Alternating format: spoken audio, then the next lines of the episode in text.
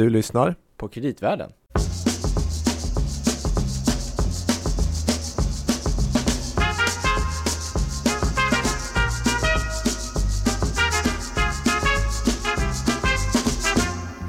Thought we could take a moment to discuss strategy before your upcoming term. Sure.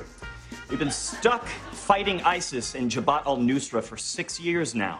So when we found out that you had a secret plan, it really energized us. That's right. A plan. Very secret. Well, whatever it is, we're really looking forward to hearing it come January. It's only seven weeks away, so uh, let's save some lives together, sir. Tremendous. Love it. Thank you. Okay, right. Here we go. Here we go. Big plan. Big plan. Google what is ISIS? Oj Gabriel, vilket spännande år det här kan bli. What is kreditvärlden? ja, Det är min första fråga. precis. Spännande podcast med Gabriel Bergin Och Louis Landeman. från Danske Bank Market. Ja, och vi pratar om kreditmarknaden i synnerhet, men allting annat i allmänhet. Mm. Och i förra avsnittet då blickade vi ut lite grann inför 2017. Mm. Då pratade vi mest ekonomi och räntor om jag Mm. minns rätt. Men också en del Trump. En del Trump. Mm. Det är svårt att inte prata Trump. Så är det. Eh, och då var eh, Roger Josefsson vår chefekonom och Mattias Sundling det, aktiestrateg. med. precis. Mm. Det blir Eh, lite annorlunda. Ja, för vi har ju konstaterat tidigare att vi måste mer och mer bredda våra diskussioner och tankar och inte bara tänka ekonomi utan eh, tänka även mycket politik, säkerhetspolitik och göra en bredare omvärldsanalys. Och vi som är kreditanalytiker, vi gillar ju Mm. att prata om risker. Ja, det gör vi. Ja. Väldigt mycket. Mm. Och för ungefär faktiskt snart ett år sedan så hade vi en gäst med oss som hjälpte oss att lotsa oss i den här nya världen för oss. Eh, Thomas Ris från Försvarshögskolan. Du är tillbaka. Jo, och tack så mycket. Det är spännande att vara här. Tack för din Vi inbjudan. är väldigt glada att du är här igen för att eh, du hade ju både en del väldigt intressanta spaningar och eh, också mycket kunskaper inom det här området. Vi kanske också ska presentera dig lite grann för de som eventuellt inte lyssnade på det förra avsnittet. Du är lektor i strategi och säkerhetspolitik Ja, på Försvarshögskolan. yes. Så du, du jobbar med både säkerhetspolitik men även en bredare trendanalys kan man säga. Jo, framtidsanalys, ja. Mm. Just det. Och ehm, ja, de, ni som inte har lyssnat på det förra avsnittet med Thomas, gör gärna det. Det är avsnitt 41. Ja, bra Louis. Ja. Mm. Och eh, det är en intressant eh, faktiskt spaning som du gjorde där. Det var ju då, det var i början på förra året så frågade vi dig om eh, det är mycket risker och så men är det någon som ligger väl lite närmare till hands eller som kan hända i närtid? Och då tog du ju upp det här med IT-säkerhet. Och det är ju någonting som har varit otroligt mycket på tapeten nu den senaste tiden. Både i USA med presidentvalet och även här i Sverige så kom ju FRA med någon rapport häromdagen. Man pratar om 10 000 angrepp på, från utländska aktörer per månad Ja, eh, mot mål i Sverige. ja. Så du blev ju tyvärr får man väl säga rätt besannad på den punkten. Nu var jag kanske inte den enda som har varnat för det, för det här. Och, och, och, Den enda som har varnat om det i Kreditvärlden-podden. ja, just. Nej, men det, är- det är förstås uh, vår, stora, uh, vår stora resurs, men också vår stora sårbarhet. Mm. Mm. Och vi- Och det är vi inte förberedda för. De här 10 000 attackerna på Sverige till exempel. Möts de eller lyckas man med sina angrepp så att säga? Aha, det vet vi ju inte. Nej. Det är ju det värsta. Det är kanske det här 10 001 som vi inte vet om. Men att eh, förmodligen så bromsar man väldigt många av de här. Men sen vet vi också att det är många som kommer igenom. Mm. Och sen är det ju alla möjliga attacker det här. Men de värsta attackerna är ju de när någon försöker komma in obemärkt och sen har en kapacitet att stänga av system eller påverka system vid en senare tillfälle. Och det, det, det där ligger riktigt det stora mörkertalet. Mm. Just det. Men man kan konstatera nu i alla fall att det är lite mer all, att man mer allmänt pratar om både det här och Ryssland. Det har man ju nämnt specifikt i rapporter i USA att de har varit inblandade och så vidare. Ja.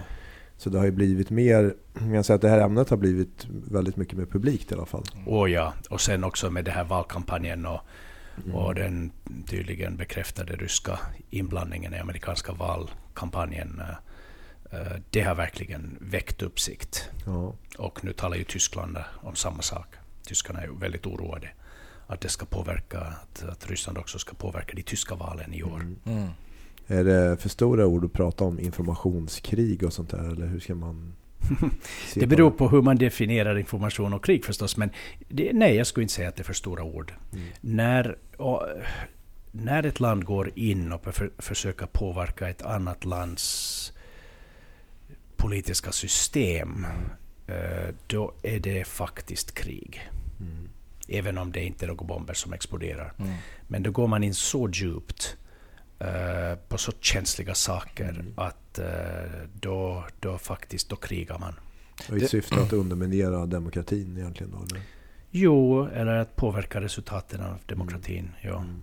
Men och det finns ju en del som säger att Sverige är för litet och ointressant för att påverkas av det här i någon större utsträckning. Tyskland kan man förstå eftersom det är en så stor del av EU, men svenska val till exempel är utom... De kan man vara säker på kommer fungera. Eller är vi bara en liten plutt i världsrymden? Jo, det, här, det här vet jag faktiskt inte, men jag skulle tro att det som, som du säger, att man satsar på de större aktörerna prin- eh, i, i första hand. Men sen är, vet vi ju att Sverige är måltavla för en enorm informationskampanj från, från Ryssland, som egentligen syftar på att eh, ifrågaställa all information som, som våra medborgare får. Det är inte så att de försöker ge ett särskilt budskap, det är snarare att de försöker få fram en, en stämning där folk inte tror på något. Där de blir väldigt cyniska. Underminera medias trovärdighet till exempel. Medias och regeringens trovärdighet eh, och den västliga liberala eh, värdegrundens libera, eh, trovärdighet. Så lite som när Trump pratar om fake news Jo, på precis. det temat så. Ja, precis. precis. Tro inte på någonting som... Precis, skapa ett klimat där man inte tror på något och sen när ryssarna gör något dåligt så säger man ja, ja, men alla gör ju det där, så vad är det nu för skillnad? Men det finns faktiskt en skillnad, men att eh, det är det som verkar vara det, målet för deras informationskampanj mot de breda Mm. eh, befolkningslagren. Vi tänkte vi skulle resonera vidare med dig kring de stora trenderna. Men vi tänkte att innan vi gör det så skulle vi göra så här att vi skulle gå in specifikt på ett par händelser som hände förra året och låta dig kommentera lite kring det.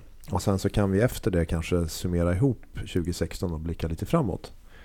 Så om vi börjar, då tänkte vi att vi återigen ska ta hjälp och lyssna på lite klipp. Mm. Du har förberett någonting här Gabriel. Jag har det uppladdat. Mm. Den här, nu rör vi oss inte lika långt västerut, Nej, men ett annat anglosaxiskt land. och lite längre än Norge. Ja, ja precis. inte heller anglosaxiskt. Nu, nu spelar vi upp det. So, does that mean that in the EU negotiations you are prepared to prioritise control, full control over immigration above membership of the single market? Well, you see, this is where it's important for us to look at this issue in the right way. Because I think often people talk in terms as if somehow we're leaving the EU, but we still want to kind of keep bits of membership of the EU. We're leaving. We're coming out. We're not going to be a member of the EU any longer. Member of the so the question market? is well, the question is what is the right relationship for the UK to have with the European Union when we're outside? We will be able to have control of our borders, control of our laws. Um, this, will be, this is what people were voting for on the 23rd of June. Jaha, vad, vad, vad var det där då Gabriel? Och det där var jag då alltså brittiska premiärministern Theresa May sedan i somras då också Storbritannien valde att lämna EU för den som har sovit det senaste eh, året. Nej men det var en intervju i söndags i brittisk TV eh, där, det, som, där det hon säger här eh, och där får du kanske rätta mig, och du får säga vad du tycker eh, Thomas, men många har tolkat det som att eh, den brittiska regeringen styr mot en, så att säga, en hard Brexit, alltså att man kommer lämna EU helt och hållet. Eller vad säger du? Ja, Brexit är Brexit, alltså då lämnar man EU. Men att det var ju de som förespråkade Brexit som också sa att ja, men vi kan behålla alla godbitarna och, och sen ändå lämna EU, men det går inte. Och det, det inser de, börjar de inse nu.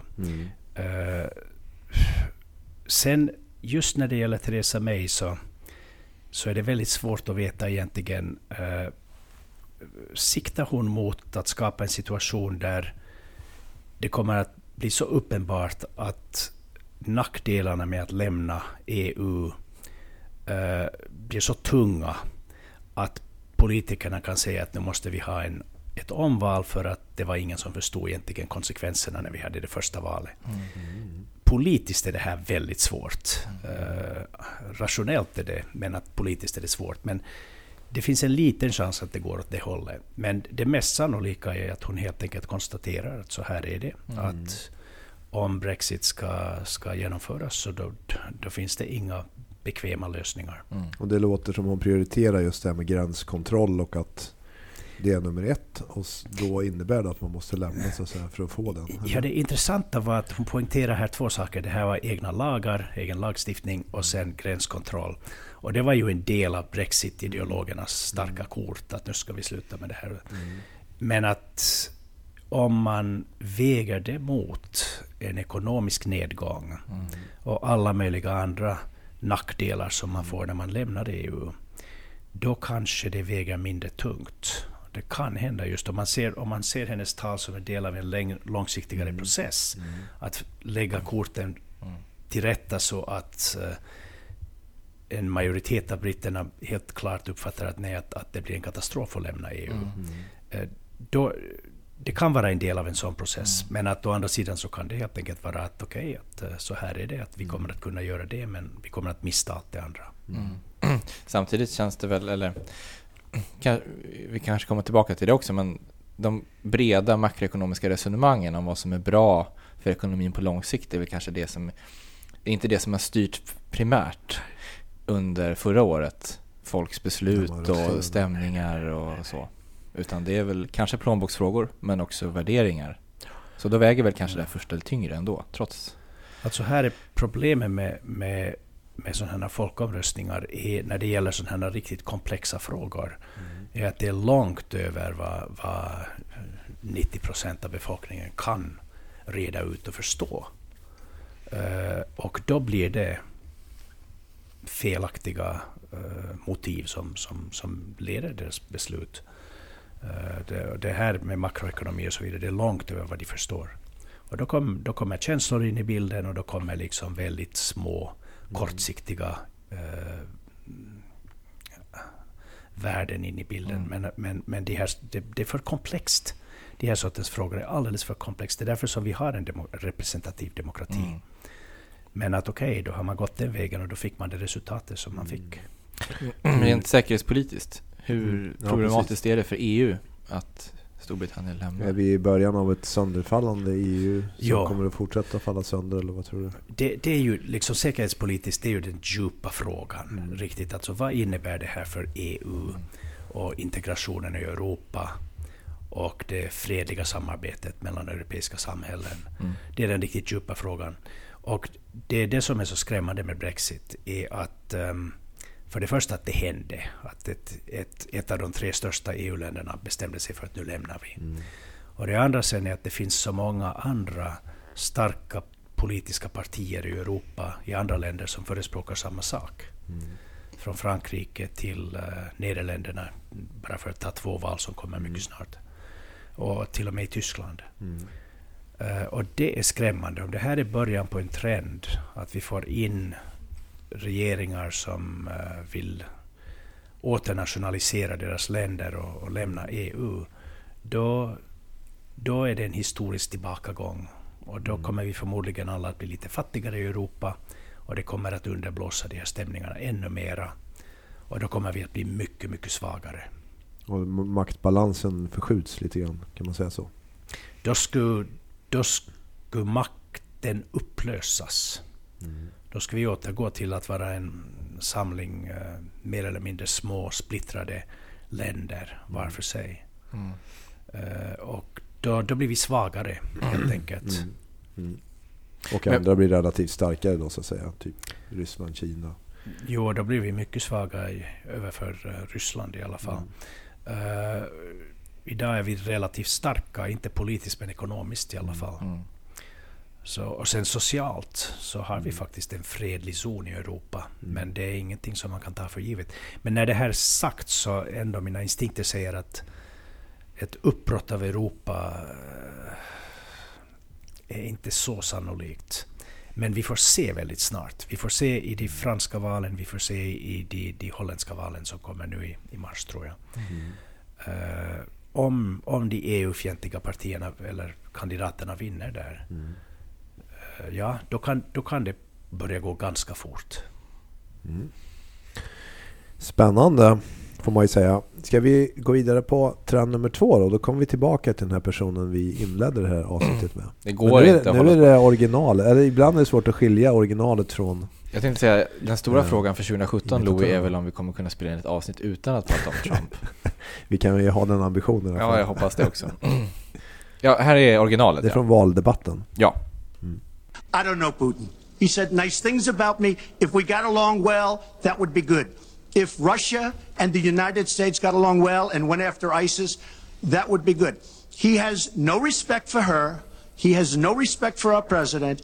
And I'll tell you what, we're in very serious trouble because we have a country with tremendous numbers of nuclear warheads. 1,800, by the way, where they expanded and we didn't. 1,800 nuclear warheads, and she's playing chicken. Look, oh, Putin, wait, wait, wait. from everything I see, has no respect for this person. Well, that's because he'd rather have a puppet as president of No the United puppet, States. no puppet. And it's pretty clear. You're the puppet. It's pretty clear you won't admit No, that the the. Russians have engaged in cyber attacks against the United States of America. That you encouraged espionage against our people.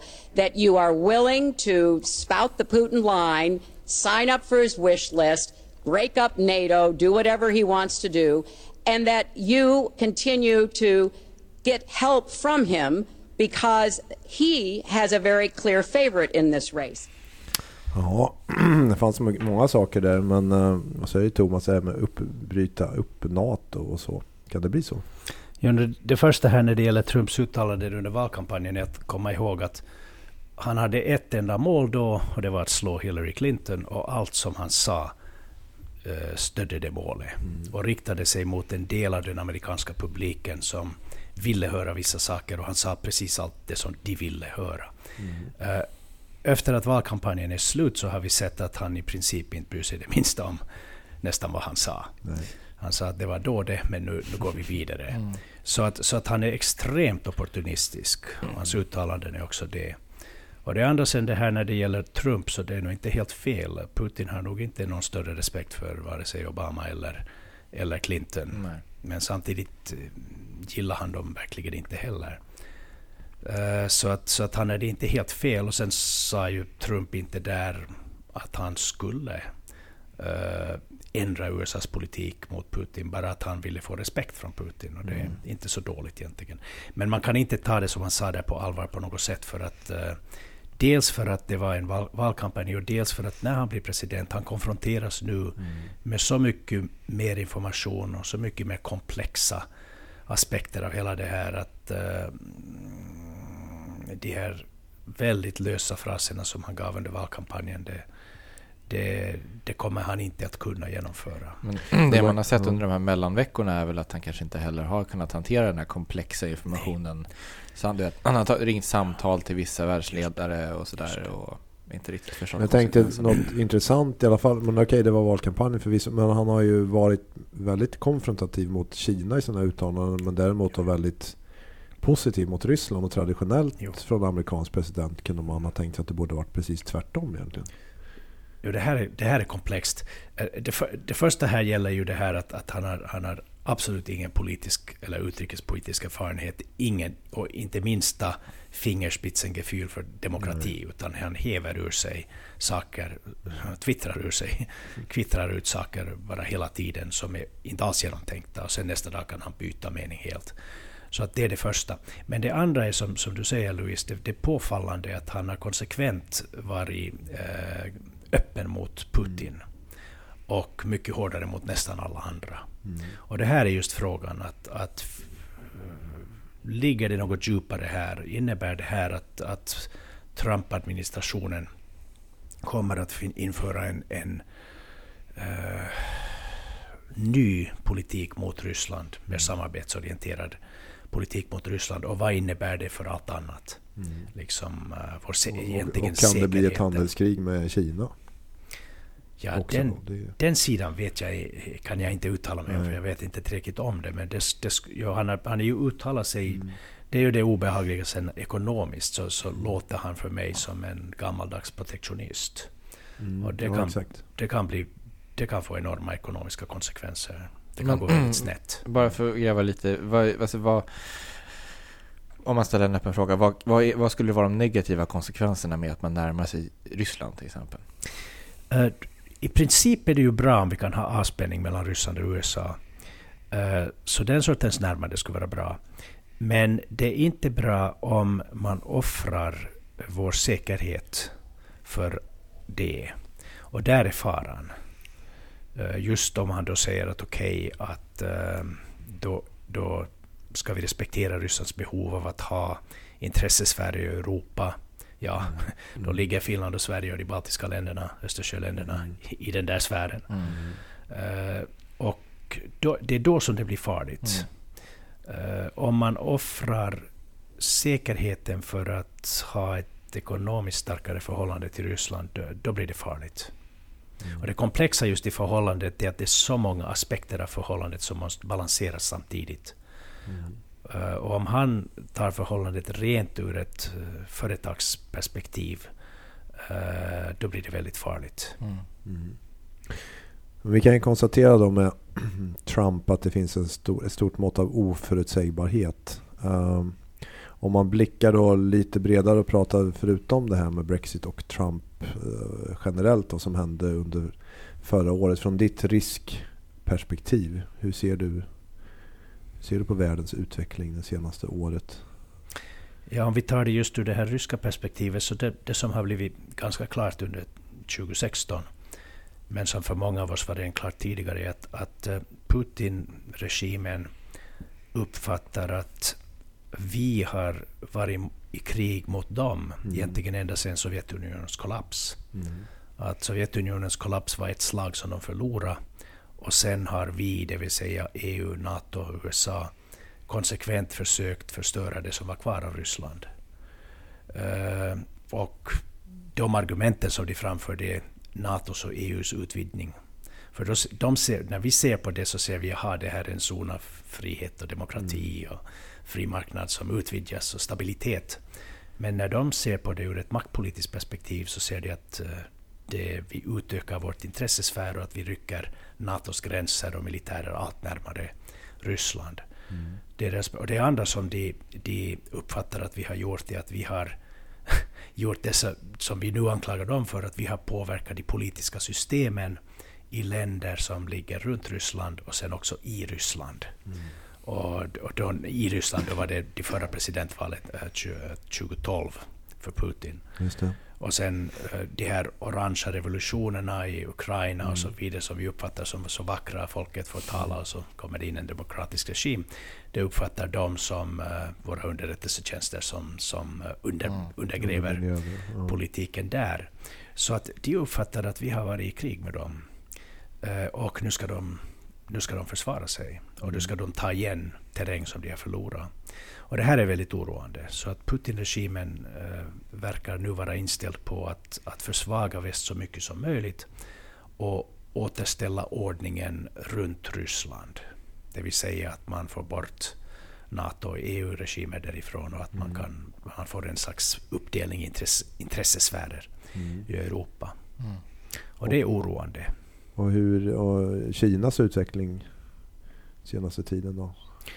Förändrats något? Eller? Ja, Kina är så speciellt för att eh, Kina har ju ena foten i vår värld. De är fullständigt beroende av den globala ekonomin.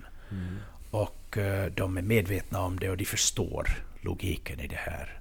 Och det är ju skillnaden från, från Putins Ryssland. De, är, de är i princip avskurna från det här. De har en annan världssyn. Men kineserna har ett ben i det här, i vår värld. Ehm, och det är oroande då, det som oroar mig mest med Kina, där det är den ekologiska utvecklingen, så att Kina går mot ekologisk kollaps. Och sen ekonomiskt, eh, om det blir något slags, eh, om Kinas ekonomi eh, stagnerar eller om det blir någon slags social orolighet inom Kina som skulle påverka ekonomin. Det är kanske det som i första hand oroar mig. Sig. Men sen är det ju andra saker. Det har ju visat sig att de, de, de kör en stenhård maktpolitik i Sydkinesiska oceanen.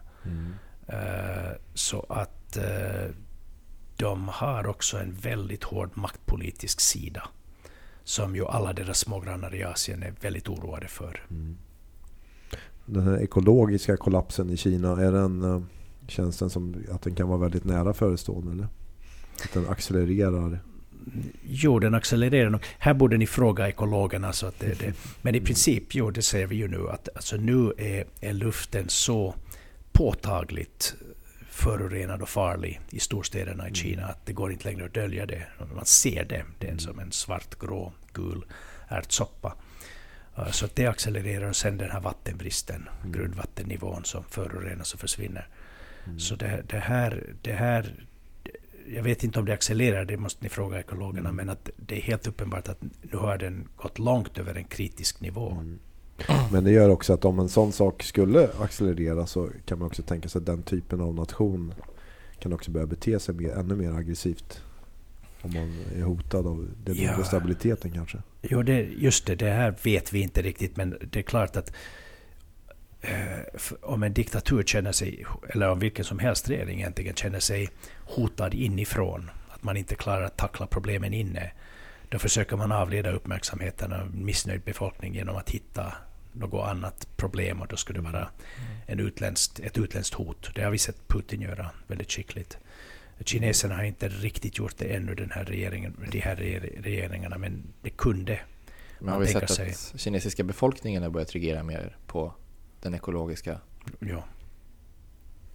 Och ja, de, de har i, i 20 år, har liksom gräsrötterna redan börjat protestera. Det har varit småskaliga men väldigt, väldigt många utspridda protester i byar och på landsbygden och så vidare. Av stackars bybor som inte har någon makt och vars, mm. vars miljö håller på att förstöras av någon fabrik i närheten. De protesterar och så blir de brutalt nedslagna av, av, av poliser som, som är del av, av det här systemet. Så att det, och det har vuxit. Men nu har det fått sådana dimensioner att den kinesiska regeringen tar det här på allvar. Alltså den kinesiska regeringen är medveten om den ekologiska krisen. Det är bara att de sitter i en revsax. De, kan, de, de måste försöka hålla BNP-tillväxten något runt 8 procent per år för att undvika social turbulens. Mm. Och för att göra det så är de tvungna att fortsätta med de här förorenade teknologierna. Mm. När vi pratade med dig för ungefär ett år sedan, då kommer jag ihåg att vi tittade på eller lyssnade på ett klipp från Davos där man pratade om de stora riskerna globalt och gjorde någon rangordning av dem. Och miljön vill jag minnas var den största risken. Men också kanske lite mer på lång sikt. Eh, och det man då flaggade upp som den omedelbara, mest omedelbara akuta risken var väl okontrollerade flyktingströmmar. Eh, hur ser du på det nu? Eh, och, eller möjligtvis också andra risker Just flyktingströmmar pratar man ju om, men kanske lite mindre i Sverige nu eftersom vi har lite mm. mindre inflöde här då. Men det fortsätter ju ändå. Ja. Jo, det intressanta med det här, alltså bara för att återgå till, till miljökriser, det, mm. jag tror det den allvarligaste hotet som vi står inför när det gäller ekologiska kriser, det är någon slags pandemi. Mm. Eh, som, som skulle vara mycket smittsam och mycket dödlig och som skulle kunna inte bara i sig vara ett problem, men om den skulle strypa det fria flödet av varor och människor i världen, då, då kraschar världsekonomin. Mm. Så för mig det är liksom, det, det är en sån här uh, joker i, i spelet som det kan uppstå plötsligt mm. och ha förödande konsekvenser. Men ebola klarade vi i alla fall av. Jo, och det, och, det, och det kommer också tillbaka till flyktingströmmarna. Det är intressanta med de här apokalyptiska kriserna som vi analytiker förutser är att de blir nästan aldrig så som vi hade tänkt och de blir sällan så extrema som vi hade tänkt. Mm. Så att um, ebola lyckades man klara. Mm. Mm. Hantera det inte så väldigt skickligt, men det gick ändå. Det blev aldrig någon global uh, ekonomisk kris av ebola och det hade kunnat bli det. Mm. Så att det lyckades man klara. Och sen den här flyktingströmmen, egentligen klarade vi det inte i början. Uh, det kom alldeles för många asylsökande in, i alla fall i Tyskland och Sverige över en miljon till Tyskland och 163 000 i Sverige på fem månader. Mm. Uh, och det, och det, den historien är inte slut för att nu måste man ju processa det här och ja. integrera och allt det där. Så att, så att, men sen lärde vi oss uh, egentligen på det sättet att vi stängde gränserna mm. i praktiken. Uh, och det är ing, ing, inget särskilt behagligt sätt att göra det. Men all, om alternativet hade varit att, att Sverige hade kollapsat mm. för att uh, Svenska myndigheter och system kunde inte längre hålla, fortsätta under det här trycket. Så då hade alternativet varit värre. Mm. Så att vi lär oss. Och det här med, med det här trycket från okontrollerade människoflöden i världen, det kommer bara att öka. Det är helt säkert. Men eh, vi, lär, vi har nu lärt oss hur vi ska lite hantera det här. Men frågan är vad som händer i Turkiet nu då till exempel. I, var, i Turkiet, ja. Där många har hamnat istället. Eller i. Grekland för den Ja. delen. Ja. Har väl en del hamnat. Men det är klart, de kanske inte kommer lika mycket dit heller. Men... Alltså det, det hänger lite ihop här. Mm. Alltså det, om Turkiet öppnar slussen så då kommer de in i Grekland och då kommer de in i EU och då blir det ett enormt tryck här. Eh, Men å andra sidan, en stor del av flyktingarna i Turkiet hänger ju ihop med kriget i Syrien. Så om det faktiskt slutar och om de går tillbaka, då minskar ju trycket på det sättet. Men rent generellt i världen så kommer tryck, trycket från okontrollerade människoflöden från de fattiga delarna till de rika att, att fortsätta att, att, att, att öka. Och det hänger också ihop med delvis miljöproblemen också kan man säga. Alltså, Ja. Du får klimatflyktingar och så. här. Det hänger ihop med att egentligen levnadsvillkoren i deras delar av världen har, har försämrats enormt. Även om stora delar av den fattigaste befolkningen i världen får det mycket bättre, så är det väldigt, väldigt många som har det väldigt dåligt och som desperat vill komma in i vår värld.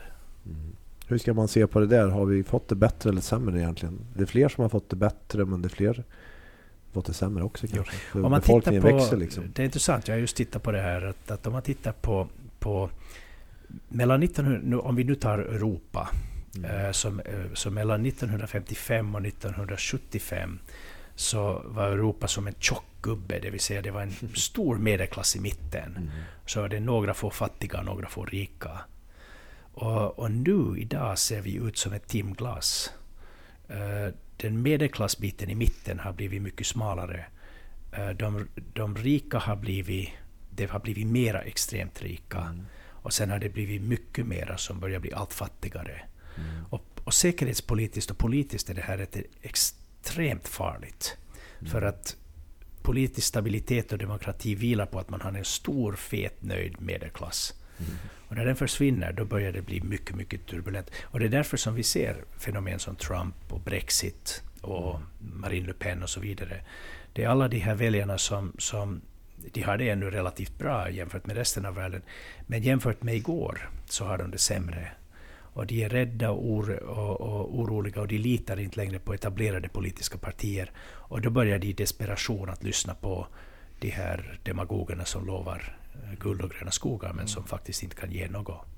Och det, det, det, det är ett riktigt djupt politiskt problem som vi har i Europa och USA. Vi går mot Du brukar prata om ökad turbulens. Det är det du tror. Socialt. Fort, ja. inom våra...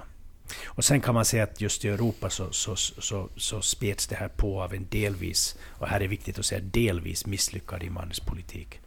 Alltså de delarna av, av, av en, den nya befolkningen som inte har integrerats. Och, och, eh, och det, det, det leder till alla möjliga problem också.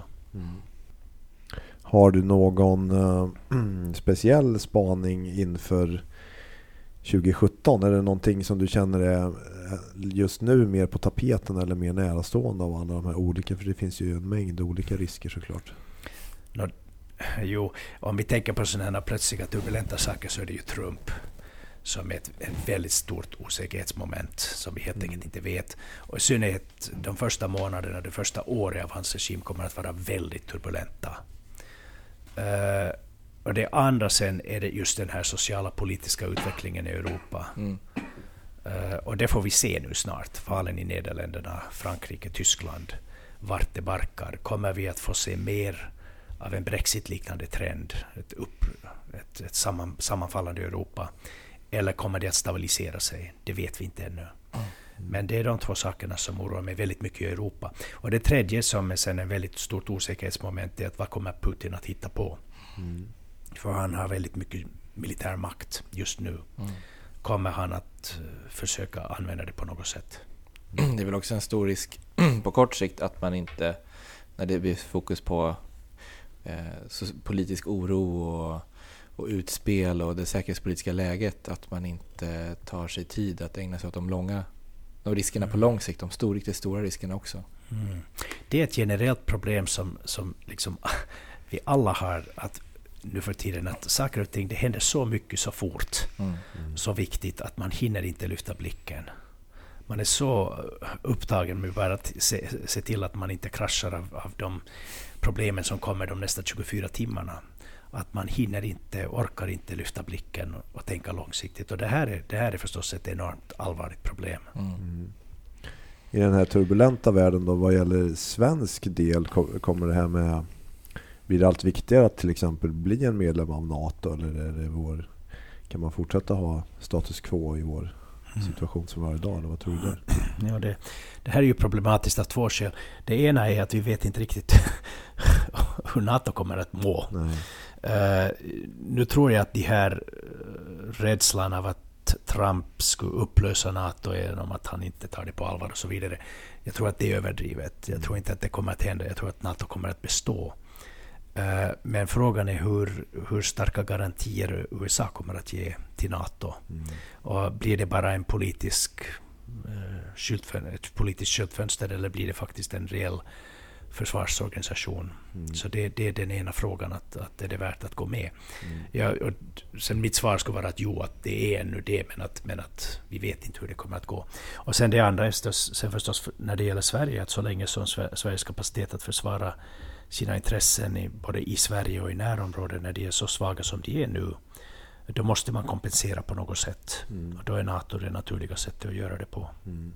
För att även om man nu satsar mycket mer på försvaret, även om, vi vet inte om, men om man gör det, så kommer det att ta enormt mycket tid innan man kan återuppbygga mm. ett starkt svenskt försvar.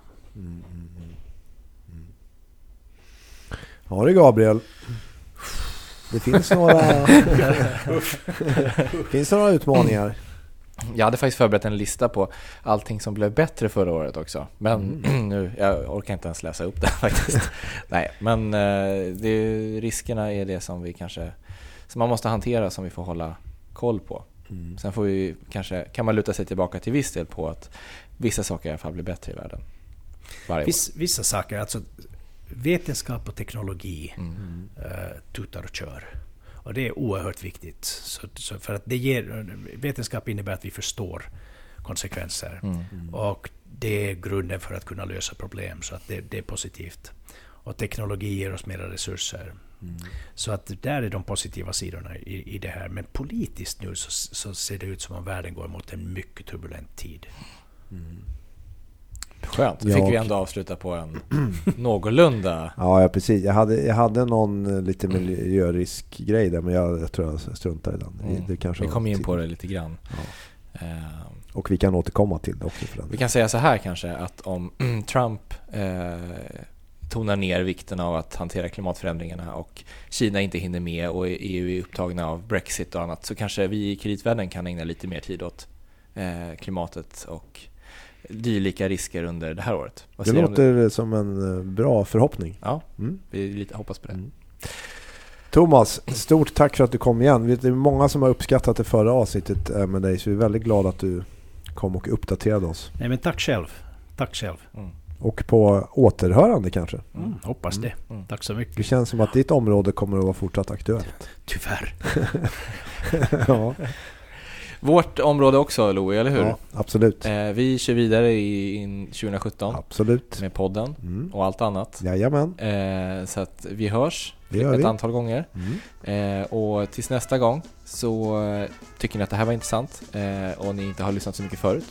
Titta igenom eh, vårt arkiv, finns på kreditvärlden.se eller i iTunes. Mm. Se om ni hittar något spännande. Bland annat Thomas då till mm. exempel. Avsnitt 41.